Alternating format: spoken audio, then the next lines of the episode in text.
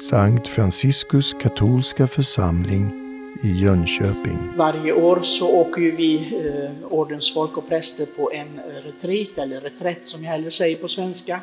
Och eh, det är många fina betraktelser och predikningar man får höra, men tyvärr så kommer man ju inte ihåg så mycket av dem. Men det är särskilt en jag kommer ihåg. Och det handlade just om eukaristin, det vi firar här vid vårt altare och vi firar som högtid idag. Och det var en präst från vår stift som berättade att han hade varit i Spanien, sitt hemland, och eh, där hade någon berättat för honom att han hade guidat en muslim eh, i en av de större städerna och där fanns en viktig katedral. Och eh, när han hade sett utanför katedralen sa får jag också gå in? Och eh, den som guidade honom, katolik, sa ja visst får du det. Den är sevärd den här kyrkan. Och de gick in, det var mängder med turister och kanske pilgrimer också. Men i alla fall gick omkring och tittade och begapade allting som var där. Och eh, till slut så stannade den här muslimen upp och frågade, Men vad, är, vad är det för ett skåp där? där? Ja, det kallas för tabernakel, sa guiden, som är katoliken. Och det är där vi förvarar Kristi kropp. Kristi kropp, vad är det för någonting? Ja, det är Guds närvaro. Tror ni på det? Ja visst, det, det är vår kyrkans lära. Det tror inte jag att ni tror på. Varför säger du så? Jo, det är katolska kyrkans lära att det är Kristi kropp och blod som förvaras i sakramentet under brödets gestalt, säger vi.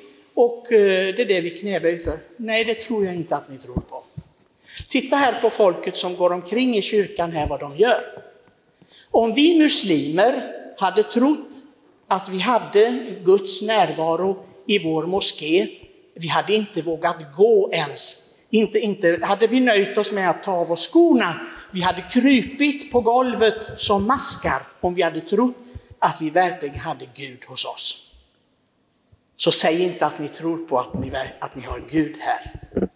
Det tror ni inte, det visar ni inte i alla fall. I så fall är ni dåliga troende. Så han fick sig en läxa den här killen och, och, en tankeställare och den här prästen som berättade för oss sa, om vi ser själva, om vi tänker efter själva, hur, hur är det med vår tro egentligen? För om Kristus är verkligen närvarande här, så som han gick med lärjungarna genom inkarnationen, människoblivandet, och så som han är i himmelen, för det är det vi tror. Det är samma Kristus, exakt samma Kristus. Det är bara att ögonen inte ser det på samma sätt.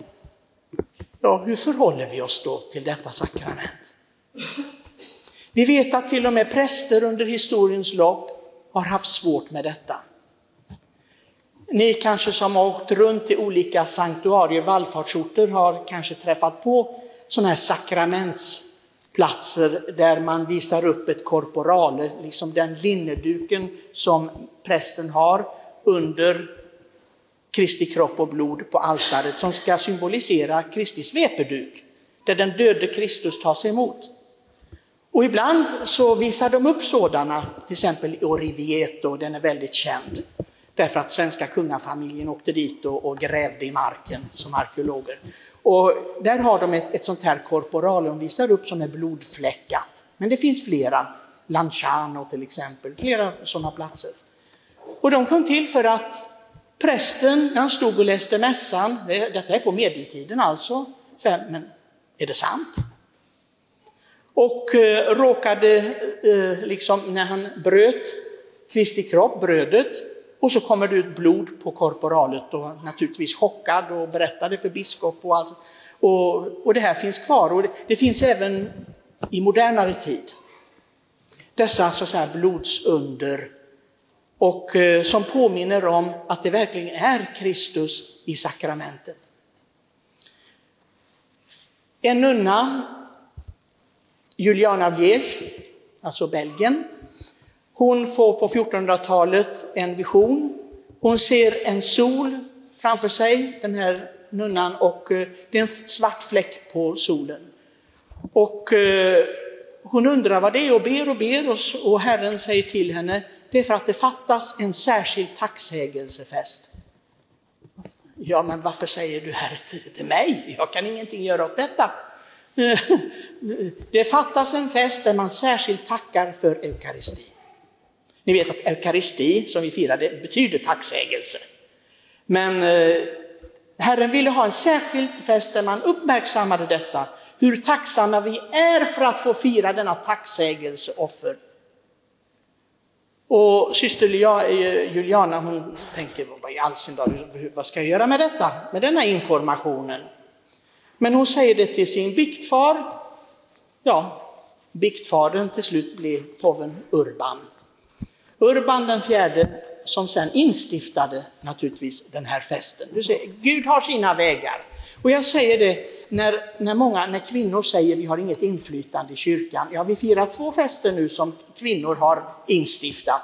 Det är denna festen, båda nunnor, det är Jesu hjärtafest på fredag och det är heliga Margareta Maria Lacock, det är också en nunna som har insisterat på att det här ska firas. Så nog finns det liksom lekman eller kvinnlig inflytande i kyrkans liv alltid och det är två viktiga, viktiga högtider.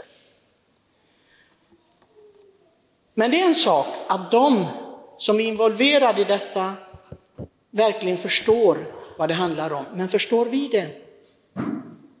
Förstår vi verkligen vad vi tar emot? Förstår vi vad vi får ha hos oss? Vi hade en församlingsmedlem här för ganska många år sedan nu och eh, naturligtvis vår kära husmor som inte är här idag för hon firar denna högtid i Stockholm med sina barn. Hon sa till den här kvinnan, vilken lyx det är. Du bara bor några meter från kyrkan, du kan springa hit i ur och skur och inte har du någon familj att ta hand om eller någonting, så du kan ju vara här jämt. Ja, jag tror, jag, alltså, jag tycker ju att krucifixet är fantastiskt och det, det säkert blir ett vallfartsmål för många kristna. Hon talade om det här krucifixet som är så ögonfallande.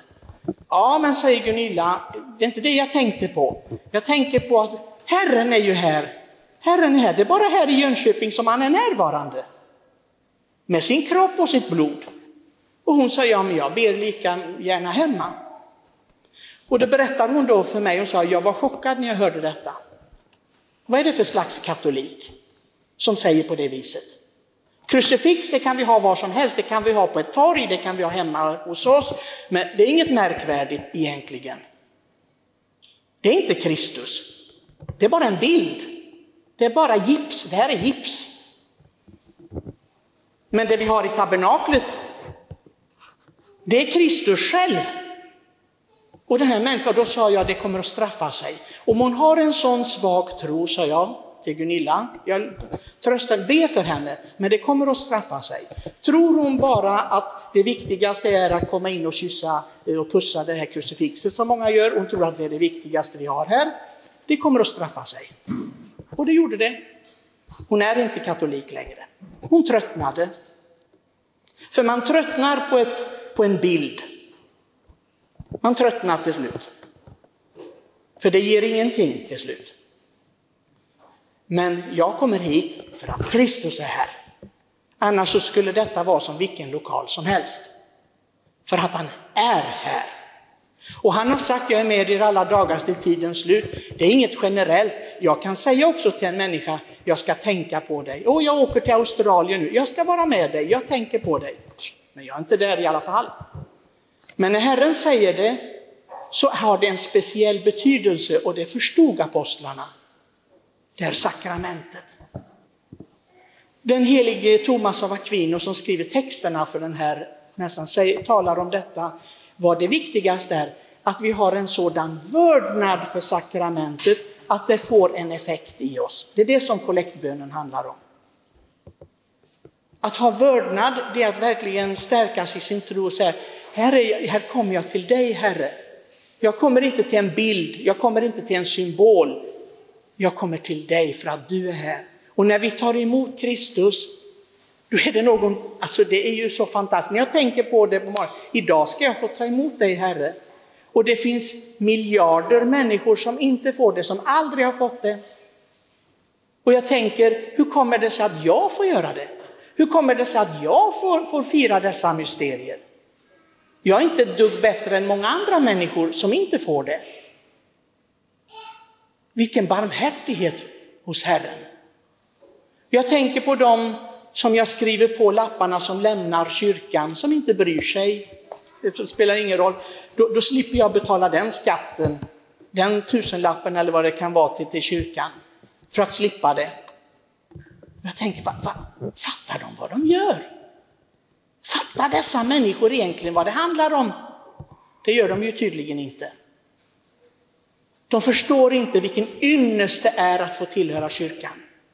Vilken ynnest! Det, det, det, är ingenting jag kan kräva, det är inte som att gå in i en klubb, i en schackklubb eller vad vet jag. Att detta är någonting så otroligt att Herren tar hand om mig på det här viset. Han helar mig, han, han, han ge sin kärleksförklaring varje gång jag närmar mig honom. Så frågan är alltid som jag ställer mig själv åtminstone, och hur besvarar jag detta? Hur besvarar jag detta? Jag hoppas ju att jag tar vara på det.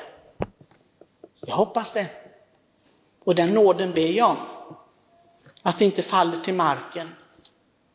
Att Herren inte säger till mig på domens dag, du, jag har gett mig själv till dig. Jag har kommit in i din själ. Och vad gjorde du med detta? Vilket ansvar!